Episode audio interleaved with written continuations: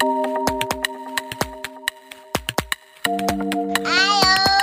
aló, la nova mobilitat, la nova mobilitat. amb el suport de Fulls d'Enginyeria d'Enginyers Industrials de Catalunya. Benvinguts a la nova mobilitat. Avui, capítol 34. Miquel, què tal? Molt bé. Avui fem el capítol 34, parlem de plataformes de mobilitat. Um, em van parlar una mica amb en Lluís Puerto d'això d'integradors de plataformes de mobilitat, però no n'hem parlat des del punt de vista um, més industrial, no? més, més a l'engròs, més, més escalat. I avui parlarem amb en Guille Vidal, que treballa a Uber. Hola, Guille, com va això? Molt bones, molt bé. Vosaltres? Bé, Bé, bé, bé. Esperant ja... De fet, eh, publicarem el, el capítol al gener del 2024, però encara estem abans de Nadal i estic esperant que vinguin les festes amb candeletes, eh? Les vacances. No simulem. Sí, sí. No, no, no simulem que estem ja a 2024, no? No ho fem no, veure, no ho fem veure, No ho fem veure, vale. De fet, tu, tu, tu vius a Nova York, Guille, però ara estàs a Barcelona. Correcte. Hem, hem aprofitat, hem aprofitat que, que estàs a Barcelona i així gravem de dia, que no fem de moment nosaltres gravem, gravem de nit. Però bé, comencem explica, eh, amb una mica amb la teva trajectòria, no? Um, tu ara estàs a Nova York, um, però com has arribat fins allà? Què, què, què, què vas estudiar? Trajectòria acadèmica? Perfecte. Sí, doncs, eh, bueno, jo, jo, jo vaig néixer a Barcelona, però vaig passar els meus, primer, els meus primers 10 anys eh, vivint a l'estranger per la feina del meu Mhm. pare. Vaig passar 7 anys vivint a Kiev, a la capital d'Ucraïna, i 3 anys a Moscou, a la capital de Rússia. Hòstia, Eh, el, quan tenia 10 anys vam tornar a Barcelona i, i bueno, a l'acabar el col·le vaig començar a estudiar Administració i Direcció d'Empreses a ESADE. Eh, durant la carrera vaig fer bueno, una varietat de pràctiques, no? els meus pares sempre m'han animat a fer pràctiques i la, les meves primeres pràctiques més sèries van ser una consultora que es deia FIDE Partners, el que fèiem era consultoria de telecomunicacions amb molts clients a Latinoamèrica, sobretot, i després de tres mesos molt curts, les pràctiques eren de sis mesos, però al final vaig estar, vaig estar tres mesos, vaig trobar una oportunitat a Uber. Eh, vaig demanar començar després de les pràctiques, però em van dir que havia de començar d'immediat i em vaig incorporar a l'equip d'operacions a Espanya. Això va ser a l'abril de 2019. Eh, vaig estar quatre anys treballant a l'equip d'operacions a Espanya i, bueno, una mica amb voluntat de seguir construint una carrera a llarg termini a Uber i d'explorar oportunitats internacionals, eh, vaig trobar aquesta posició a Nova York. Realment podia escollir, podria, podia escollir la ciutat als Estats Units, però vaig escollir Nova York perquè era una ciutat que em venia molt de gust i, a més a més, l'oficina que tenen allà eh, bueno, és molt potent i em vaig incorporar a l'equip d'estratègia d'Estats Units i Canadà, que és una mica la, la regió més important d'Uber a nivell mundial. I aquesta és una mica la meva trajectòria i com he arribat a Uber. Ens has fet ara l'elevator pitch, és a dir, ens ho has explicat així molt ràpid, no?, en, en un minut. Ara entrarem en, en algun punt una mica més una, una mica més a fons de la teva trajectòria. Vas començar treballant en operacions per Uber Espanya o era o Península Ibèrica o quin, quin era l'àm- l'àmbit l'àmbit que, que tenies? Uber a Espanya. Uber a Espanya Uber. era com una mica el hub de, de diversos països al sud d'Europa, però jo particularment estava treballant a, pel mercat espanyol, correcte. I això és tant per um, transport de passatgers com Uber Eats o era només passatgers? Doncs és molt bona pregunta. Uber té tres divisions. La més important a nivell de volum, però per molt poc, és la de Mobility, que és la de transport de passatgers. Després tenim la de Uber Eats, que és la de la diem Delivery. I després tenim Uber Freight, que és molt més petita. I jo sempre he estat involucrat en la de transport de passatgers. D'acord. Um, a Espanya, bé, a Barcelona eh, ha sigut un ha sigut quelcom que hem vist molt a les notícies, no? Entre Uber, surt Uber.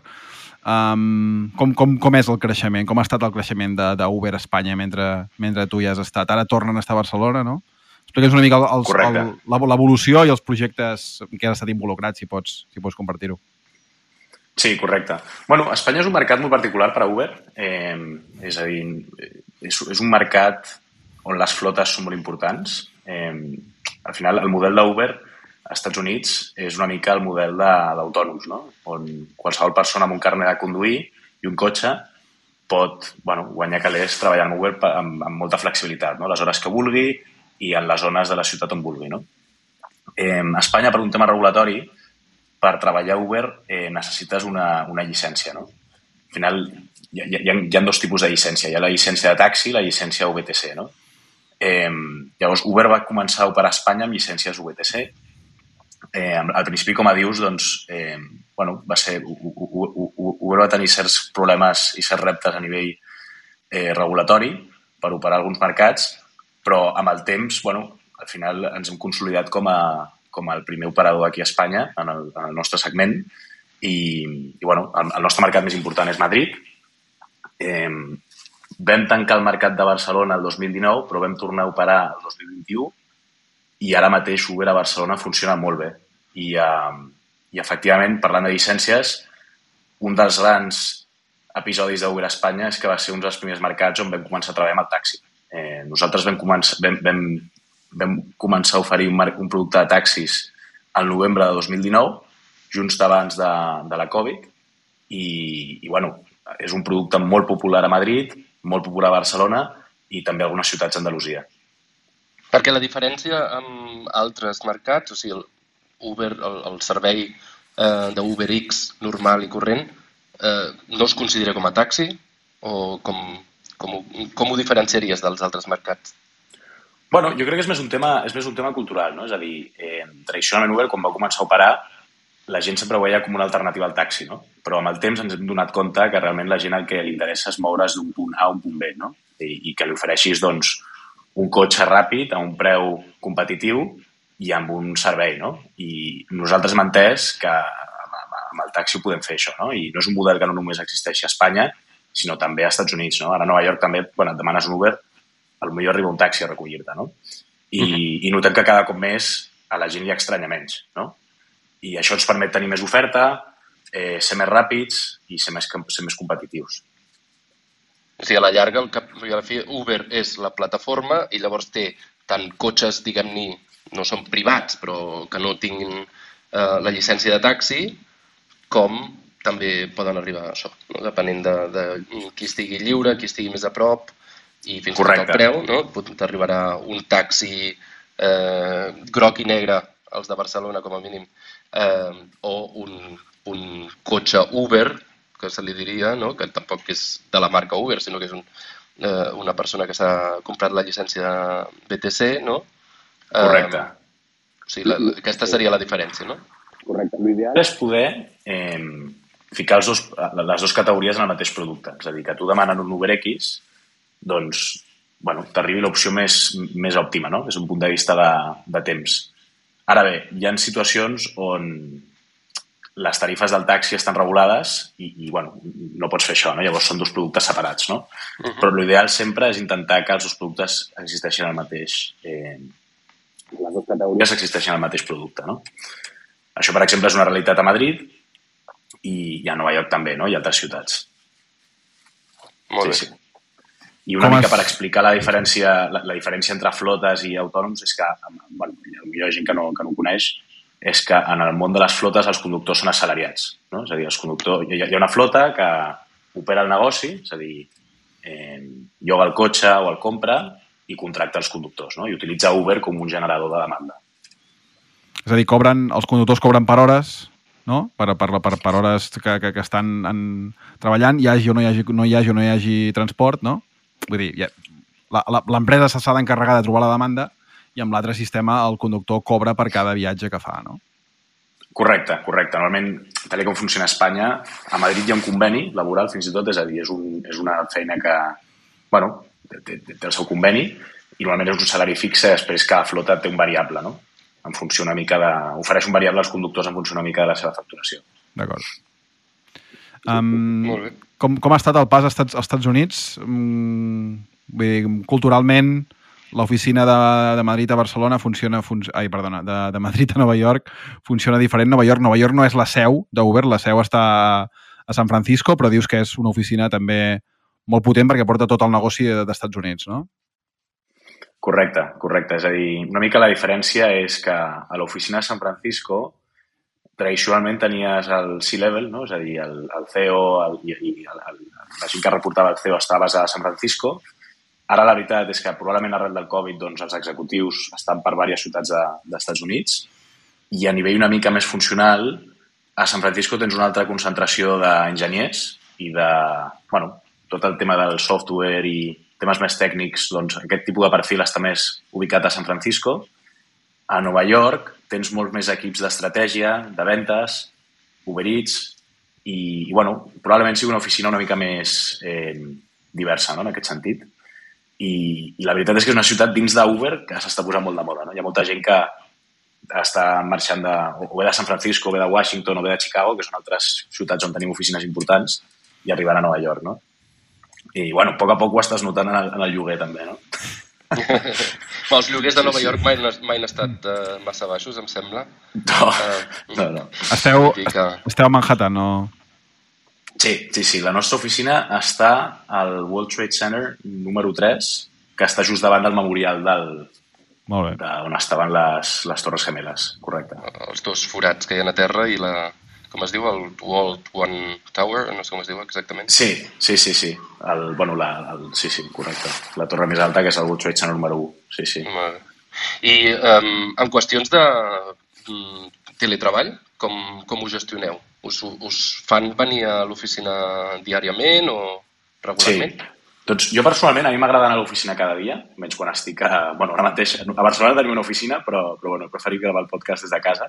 Però jo sóc molt d'oficina i a nivell de, de normativa interna el que fem és, és obligatori anar dimarts i dijous, eh, és a dir, dilluns, dimecres i divendres, en principi pots escollir treballar des de l'oficina o treballar des de casa. El que sí que et demanen és que estiguis un mínim del 50% del temps a l'oficina. És a dir, has d'escollir un dels dies perquè et surtin les mates eh, d'anar a l'oficina. Després, com a flexibilitat, et donen un mes que tu, tu, pots, bueno, tu pots gestionar com tu vulguis per treballar des d'on vulguis. És a dir, jo, per exemple, hi ha dues setmanes a l'agost, o aquesta, per exemple, al Nadal, on torno a casa. No?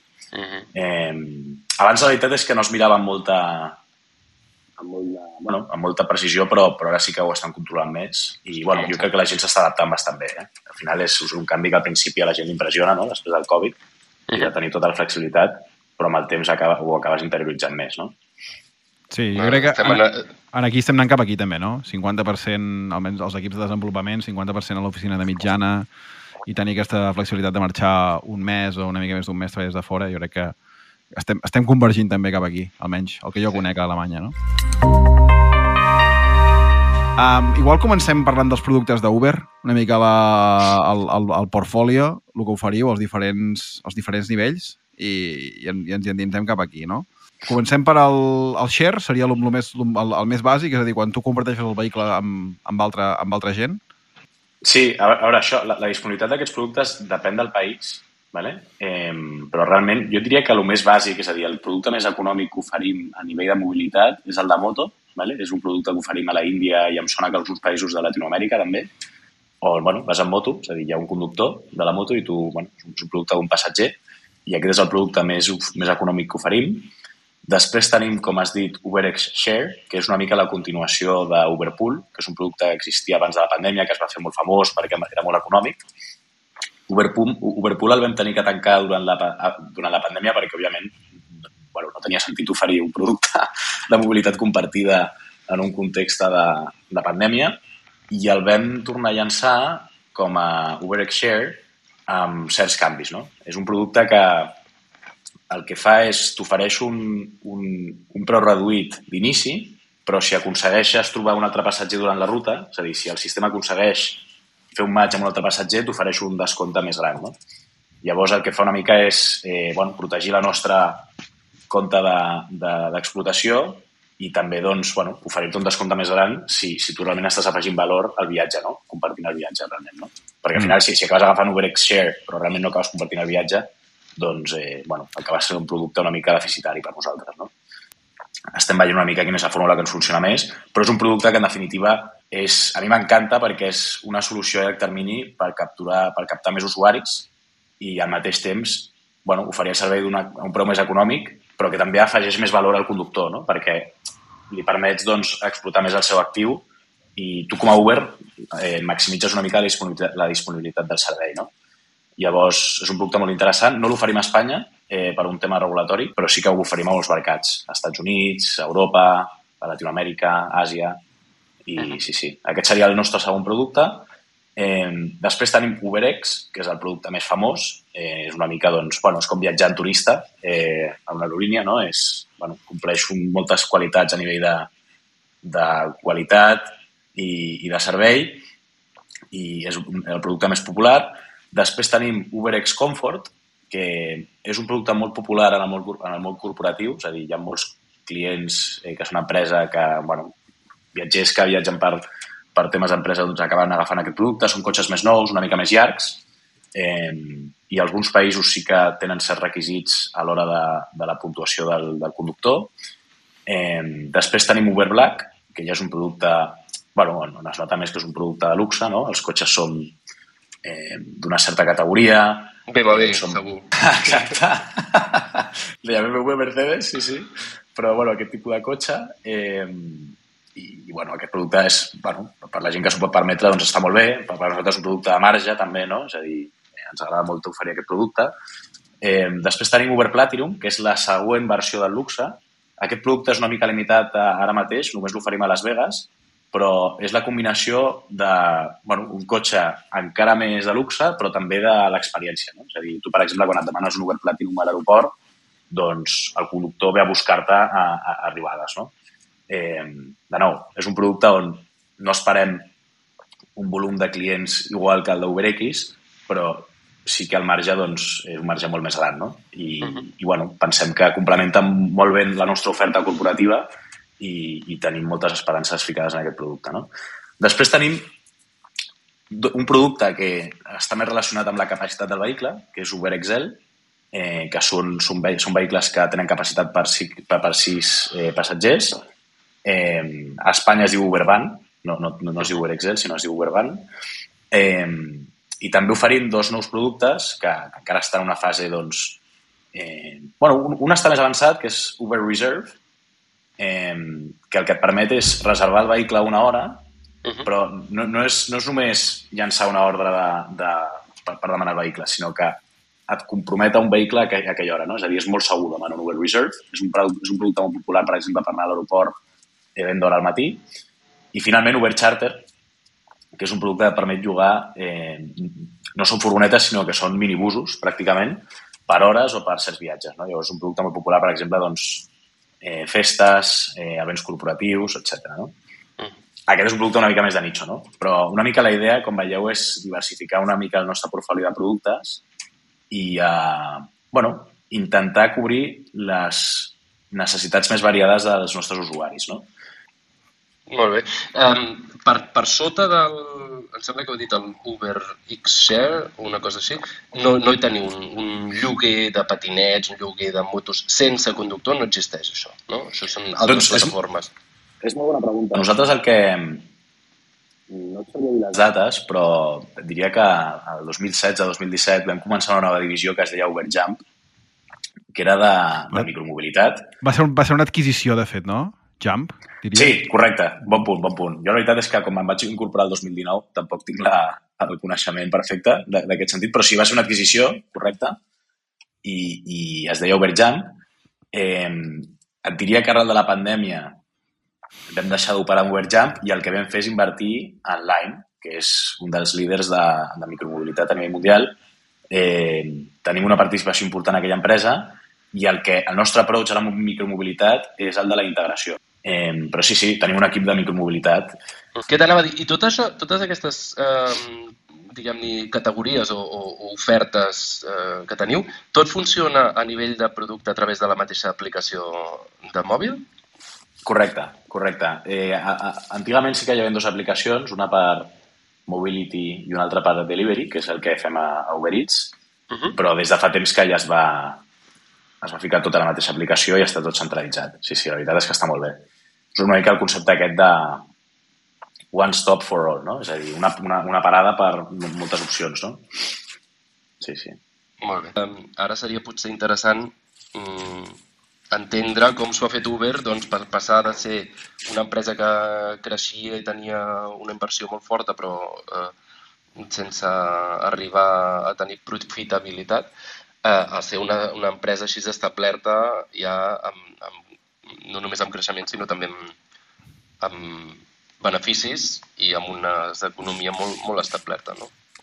Nosaltres, eh, jo la veritat és que no treballeu Uber encara, però, però, però Uber quan va començar, San Francisco era com un producte molt més de luxe, no? Era un producte de, de limusines i, i, en fi, era un producte doncs, amb, un, amb un nínxol molt concret, no?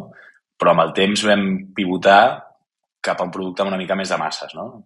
Suposo que van haver-hi diversos factors, no? Un era la competència, un altre era doncs, una mica la voluntat dels inversors, no? De, és a dir, anar a un mercat més gran, però, però això és un, és un tema important a comentar, no?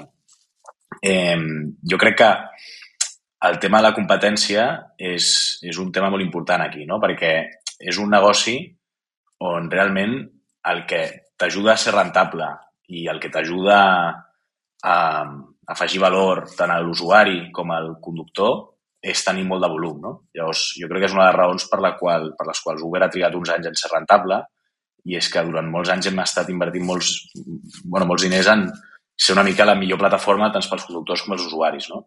I a vegades això passava doncs, per invertir molt en incentius. No? Eh, un, cop, un cop guanyes aquesta posició de, de, de volum, bueno, és important entendre, no? Al final, el que t'has de preguntar és com ets la millor opció pel conductor i per l'usuari, no? És a dir, per l'usuari al final el que busca és l'opció més ràpida i l'opció més econòmica, no? És una mica el balanç entre aquests dos factors, no? Tu pots ser més econòmic, però si trigues 10 minuts en arribar, eh, bueno, a lo millor no, no, no, no és la millor opció, no? Eh, això com aconsegueixes? Bueno, amb més conductors, que més cotxes que l'altra alternativa, no? Eh, al mateix temps, pel conductor, què és el que li interessa al conductor? Al final, al conductor li interessa és maximitzar la seva facturació durant l'hora, no? És una mica el, el, la mètrica que tenim, no? És a dir, quan més facturi durant l'hora, eh, més content està el conductor, no? Com ho aconsegueixes això? Si estàs intentant oferir el millor preu per l'usuari, doncs amb més volum de viatges per hora, no? Eh, oferir més viatges per hora no només consisteix en oferir més demandes, sinó que també has d'assegurar-te de que les distàncies a recollida són més curtes, no? perquè al final aquestes distàncies a recollida del passatger el conductor no les cobra. No?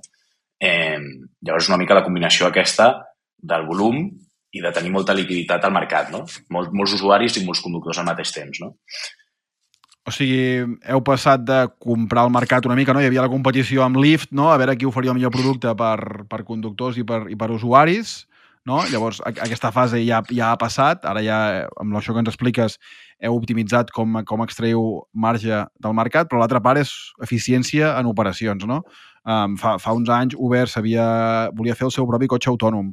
Uh, com deies també, Jam, amb la seva pròpia plataforma de, de mobilitat. Ara és com us heu concentrat més en quin és el, el, vostre, el vostre valor de mercat on, allà, en allà on sou forts, no?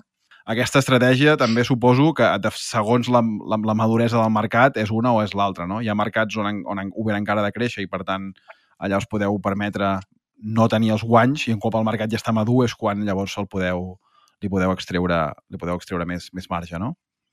Correcte, correcte. Realment, l'ideal és arribar a un punt on tens tant, tens tant volum que sense oferir incentius continues sent la proposta més, més bona per al conductor, perquè al final tens més volum i, i tenir més volum et permet fer més viatges per hora de cara al conductor, tot i que millor tampoc tens la comissió més baixa o li estàs pagant els més incentius, és a dir, en net el conductor acaba guanyant més diners amb tu, i a més a més amb l'usuari, doncs aquest volum també et permet tenir el cotxe sempre més ràpid i més econòmic. No?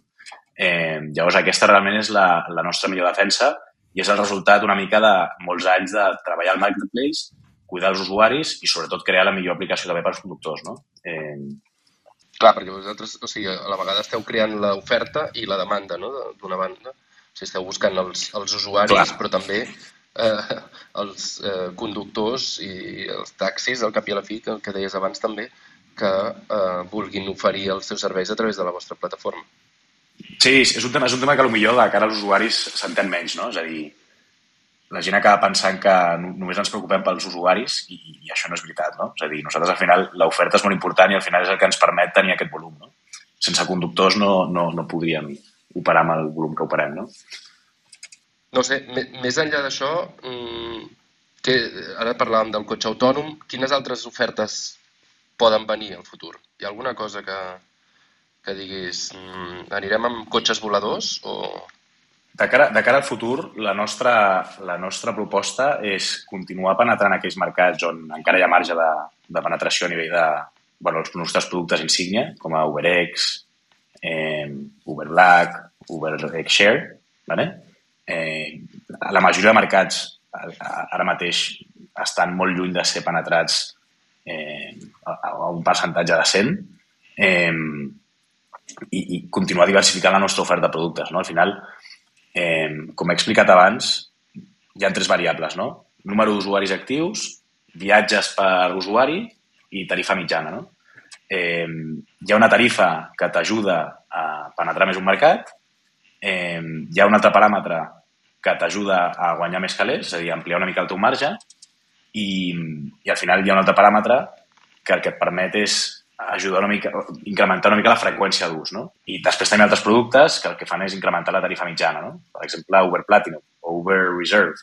Eh, són productes una mica més de nínxol, però que el que fan és ampliar la tarifa mitjana, no? Aquí, per exemple, l'opció de eh, transport aeri, doncs eh, el millor seria aquesta part, no? És optimitzar la part de la tarifa mitjana, eh, oferint a l'usuari doncs, una proposta de valor molt clara que és eh, estalviar-se temps en certs transports, per exemple, a l'aeroport o, o en altres rutes, no? Molt bé. Podria fer una cosa. No. Clar, eh, de totes maneres, crec que eh, eh, o sigui, tecnològicament és molt, molt interessant això, aquestes ofertes i també el, el que estaves explicant ara, doncs, eh, com pot eh, ajudar a la mobilitat urbana i també en qüestions multimodals, no? Agafo un trosset de bici, un trosset de tren, un trosset d'Uber, eh, aquestes combinacions són a nivell, eh, suposo, de, de planificació molt més complicats, tant per l'usuari com per, Sí. per uh, les empreses, no? Correcte, sí, sí, i amb el transport públic també tenim una, la intenció de, de, de, de treballar-hi, no? Al final, eh, el primer pas una mica és, i això ja ho fem a, a diverses ciutats, és informar l'usuari de la, la mateixa ruta que està seleccionant per demanar un Uber, quina seria l'alternativa en transport públic, no? És informar. Mira, amb el ferrocarril trigaries doncs, 20 minuts més, però bueno, és una opció. El segon pas seria una mica doncs, eh, donar-li la possibilitat de comprar el servei a través de l'aplicació. No? Aquí ja necessites integrar-te amb l'operador de cada ciutat. No? I el tercer pas, com has dit tu, és una mica el de la multimodali mu- multimodalitat. No? És a dir, en el mateix viatge oferir diversos mètodes de transport. No? Òbviament, per viatges molt curts això no tindria sentit, però, però millor viatges més llargs, com per exemple anar a l'aeroport, doncs segons un, sí, no? Mhm. Mira, per exemple, et demanes un ferrocarril de Sant Cugat a, a Sarrià i de Sarrià a l'aeroport un UberX, no? Mhm. Això és el que optimitza, optimitza una mica el preu i, i el temps, no? Aquesta és una mica la visió. Molt bé. Doncs aviam, aviam, esperem aquestes evolucions perquè ja et dic, és, és interessant. També a nivell eh, mediambiental, no? de dir la petja de CO2, potser, com ho fas, eh, vas amb un cotxe Sí. elèctric, vas amb un cotxe de benzina... Vull dir, suposo que en, Sí. aquests temes també hi ha evolucions i n'hi hauran en els propers anys, segurament. No? Totalment. Sí, el tema de l'electrificació és, és també un altre tema on treballem moltíssim. No? Nosaltres tenim l'objectiu de... És un, és un objectiu molt ambiciós de- d'electrificar la nostra flota a Estats Units, Canadà i Europa el 2030. No? Eh, veurem si arribem, però bueno, tenim tota l'organització eh, ficant-hi molts esforços. No? Aquí les flotes, per exemple, a Espanya poden ser una eina que ens permeti escalar aquest objectiu més ràpid, però clar, als Estats Units, eh, on la majoria dels teus conductors són autònoms, bueno, has d'instal·lar un carregador a casa seva, eh, etc. no? És, és complicat. incentivar-los no? a, a tenir cotxe elèctric i tal. Una cosa que, que ha quedat una mica així, um, potser encara per comentar. Um, Mhm. Això, U- Uber eh, va, va reportar uns guanys de dos, 220 milions bruts de dòlars o alguna cosa així a l'últim trimestre i això, això hem, hem comentat una mica pa- passa per, um, per, per optimitzar com, com s'extreu valor del mercat, però també en optimitzar operacions. Um, el, per intel·ligència artificial o quina, quina, quines tecnologies us, us ajuden a optimitzar operacions, a que, el, per exemple, el, el camí que fa un, un vehicle que pugui sigui el més òptim. Sí, doncs eh, això, aquest és un bon punt. Jo crec que el, la tecnologia ens ajuda eh, sobretot en dos fronts. Un és de cara als usuaris a nivell d'incentius i un altre és a nivell de, dels conductors a l'hora d'oferir-los els millors viatges. No? Eh, la, el que és l'oferta de viatges als conductors sempre es basen en la distància. Vale? És a dir, no és un algoritme que tingui regles de, mira, aquest conductor li ofereixo millors viatges que l'altre, etc. El que sí que fem en alguns mercats, on la comissió és variable pel conductor, doncs eh, jugar amb aquest punt. No? És a dir, eh, viatges, per exemple, on, el, on viatge a l'aeroport, per exemple, és un viatge molt bo, doncs la comissió és més alta, vale? perquè sabem que el conductor doncs, té molt, està molt incentivat a agafar aquest viatge, perquè probablement també després d'anar a l'aeroport torni a la ciutat amb un passatger, vale? és a dir, és un viatge molt lucratiu pel conductor, però viatges més... Eh, bueno, un viatge curt, on a, a més a més la distància recollida és una mica més gran, un viatge que a priori pel conductor a lo millor no és tan interessant, el que fem és cobrar-li una comissió més petita. No?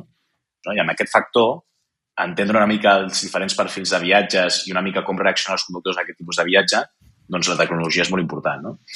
I després de cara als usuaris, eh, bueno, eh, aquest és el tema, no? és transicionar d'un tipus de promoció on regales un 20% de descompte a tothom, independentment de qui et demana el viatge, a un tipus de promoció més personalitzada. No? Eh, I, bueno, fer diferents grups d'usuaris. No? És a dir, hi ha usuaris on saps que independentment del preu, doncs te la faran sempre, perquè millor sempre paguen amb la targeta corporativa, per exemple.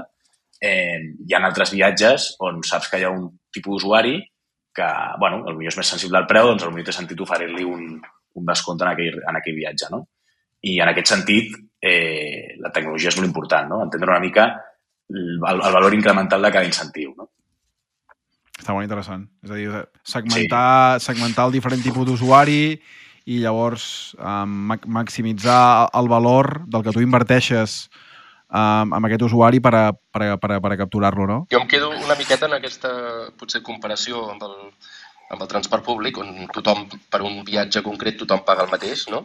I, en canvi, eh, el, el que estaves explicant tu, doncs, i a la vegada també doncs, viatges, potser, que en transport públic en un lloc que remot, que no hi aniria eh, que seria més complicat potser arribar amb un taxi, de dir, subvencionar-ho d'alguna manera eh, els conductors d'Uber que volen fer viatges que potser no siguin tan lucratius. Clar, és, és, és la combinació entre donar-li al conductor transparència en quant quin és el viatge, és a dir, fa anys Uber no, no donava aquesta transparència, eh, però també, doncs, bueno, a canvi, doncs, intentar incentivar aquest tipus de viatges, no? Mm. perquè al final l'usuari eh, vol que vol el servei igualment, no? Exacte. sigui un viatge dolent pel conductor o no. Llavors, és trobar aquest equilibri, no? I l'intenció és eh, minimitzar les cancel·lacions dels conductors i maximitzar la seva, la seva acceptació, no?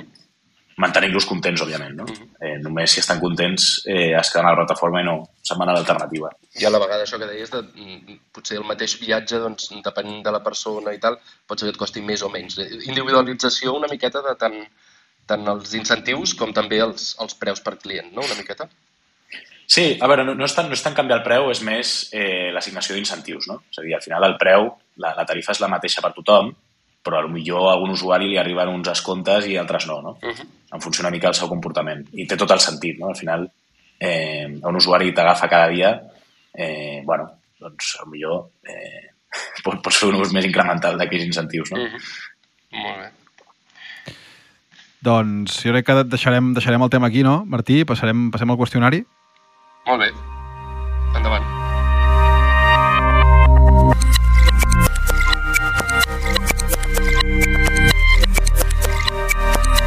La primera pregunta sempre és hot take, opinió controvertida sobre el sector o sobre el que et vingui de gust, una mica per fer bullir l'olla, en diem.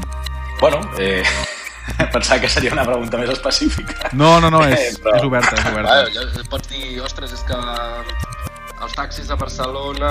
Ui, bueno, i... punt, punt, clar, punt. Podem, podem parlar d'Uber Barcelona Taxis, no sé, però clar, no, no, a veure, és, és un trade-off és un trade-off en, en, en allà on et mulles també per tu, o sigui que...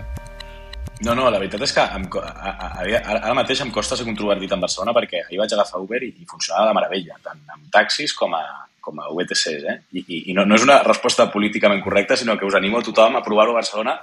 Funciona de meravella, tant a l'aeroport com a la ciutat. I aquest és una mica el meu pensament sobre Barcelona. A nivell més controvertit, bueno, una mica el que, el que m'heu dit, no? que abans Uber era molt barat, etc i, i, i ara no ho és tant. Realment jo crec que ens hem d'acostumar, eh, no, no que Uber sigui car, sinó que sigui, tinc un preu de mercat. No? Eh, seria, seria una mica la meva reflexió. No? i crec realment que perquè, pel que t'ofereix continua sent un preu molt competitiu. No? Molt bé. Que consti ara, parèntesi, que Uber no ens patrocina el capítol, eh? que estem fent més aviat eh, amb tu, Guille, com, com a eh, discussió... M'he ficat el xaleco. No, discussió Sí, bueno, eh, interessant sobre mobilitat, la plataforma, perquè bueno, eh, doncs amb el que has estat eh, eh, treballant els últims anys i ara mateix doncs, creiem que és una, un capítol i un, i un tema interessant per als nostres oients. Però que no, Sí, home, donem, donem, donem veu a tothom, però no, no, Uber, Uber no ens patrocina. Uh, El, el, entrevistar algú de Lyft o de Cabify Exa també. Sí, exacte, exacte. Hauríem de buscar algú, algú, de, algú de Cabify.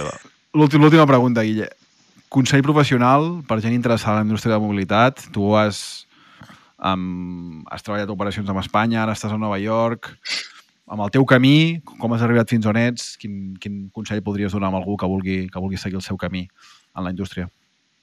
El millor consell que puc donar és eh, treballar per Uber. Si estàs interessat en mobilitat, és broma. ja sé que no és publicitat per Uber.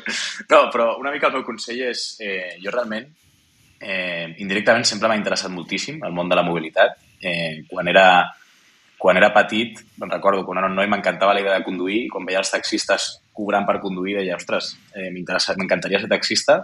Eh, després a la uni- al col·le em vaig interessar més per ser pilot d'avió eh, i vaig, després una mica vaig, el meu pensament va madurar i, i quan vaig començar a estudiar ADE vaig pensar, ostres, potser tenir una aerolínia eh, seria fins i tot més interessant, no? És a dir, com veieu, tot relacionat amb mobilitat i finalment, arrel d'agafar molts Ubers eh, molt tard de la nit, quan acabava de tornar, quan, quan tornava a la feina de, per treballar a consultoria, on els horaris són una mica més complicats, doncs em vaig, una, em vaig enamorar una mica de l'experiència d'Uber, no? Llavors, una mica el meu consell és eh, bueno, veure una mica els teus instints i entrar a l'empresa on vulguis fer carrera, però a qualsevol equip. No? I me'n recordo quan vaig començar a Uber vaig trobar aquesta posició de Key Account Operations Coordinator que realment tampoc sabia ben, molt ben bé què volia dir. No? I, i finalment doncs, va acabar sent la de les meves decisions més encertades no? a nivell de carrera. Eh, aquest seria un consell i després aprofitar una mica l'ecosistema, no? És a dir, la mobilitat, òbviament, no, redueix, no, no redueix només a Uber, no? És a dir, hi ha tot un ecosistema dins de la mobilitat molt interessant i crec que hi ha moltes tendències interessants de cara al futur a nivell de mobilitat, no? És a dir, hi ha l'electrificació, hi ha els vehicles autònoms, hi ha, hi ha la multimobilitat, hi ha molts actors, no? I entra a qualsevol empresa, eh, construeix una marca i aprofita les oportunitats internes, no? Seria una mica el meu consell. Molt bé. Molt bé. Doncs moltes gràcies. Doncs... Sí, sí. Moltes gràcies, Guille, per, per passar una estona amb nosaltres, per venir-te a fer el, aquest, aquest, aquest episodi, que és, són temes que, que, que no havíem tocat, per tant ens aportes una visió nova. Um, Perfecte. Com vulgueu. estic, estic convençut que, que serà d'interès. A mi, a mi jo, jo m'ho he passat molt bé en aquest, en aquest capítol també, Martí. Um, Jo també. Així que... I, avia, i, i, I aviam si ens trobem per Nova York algun dia, que em faria moltes ganes de, de tornar-hi a anar. M'encantaria m'encantaria ensenyar-vos la- l'oficina. De fet, eh, es promou bastant que ensenyar l'oficina. Eh, i, I res, eh, espero que a Alemanya o a Barcelona utilitzeu molt Uber. Vale? molt bé. Guille, doncs, Perfecte. que vagi molt bé, moltes gràcies. Un plaer. Miquel, acabem amb una cançó? Sí, sí um, vaig, vaig estar buscant quina cançó podíem posar. Estava pensant una cançó relacionada amb París, perquè crec que el fundador d'Uber es va, es va decidir, o almenys és la, la llegenda, es va inspirar en Sí, sí, fundar, sí. en fundar l'empresa a París i gràcies als taxistes parisencs... O, o per culpa de... No? Bé, sí, sí. Una salutació al gremi, com sempre. Però, Això ho has Però- dit tu. però, però no. Al final m'he decidit per un, per un western. Um, és, un, és un tema d'un senyor que es diu Emma Lyon, que um, és, am, és americà, i és un, és un tema estil western, es diu Delta Rune. Uh, com sempre, uh, encara buscant, buscant cançons sense llicència, estem una mica limitats, Martí, a veure si això ho podem, ho podem millorar de cara endavant. Si ens patrocina que, Uber, bé. no ho sé, ja ho veurem. Fa, ja tindríem, tindríem més marxa. Uh, doncs això, Delta Rune, uh, Western Remix, de Emma Lyon. Fins aviat. Fins aviat, adéu.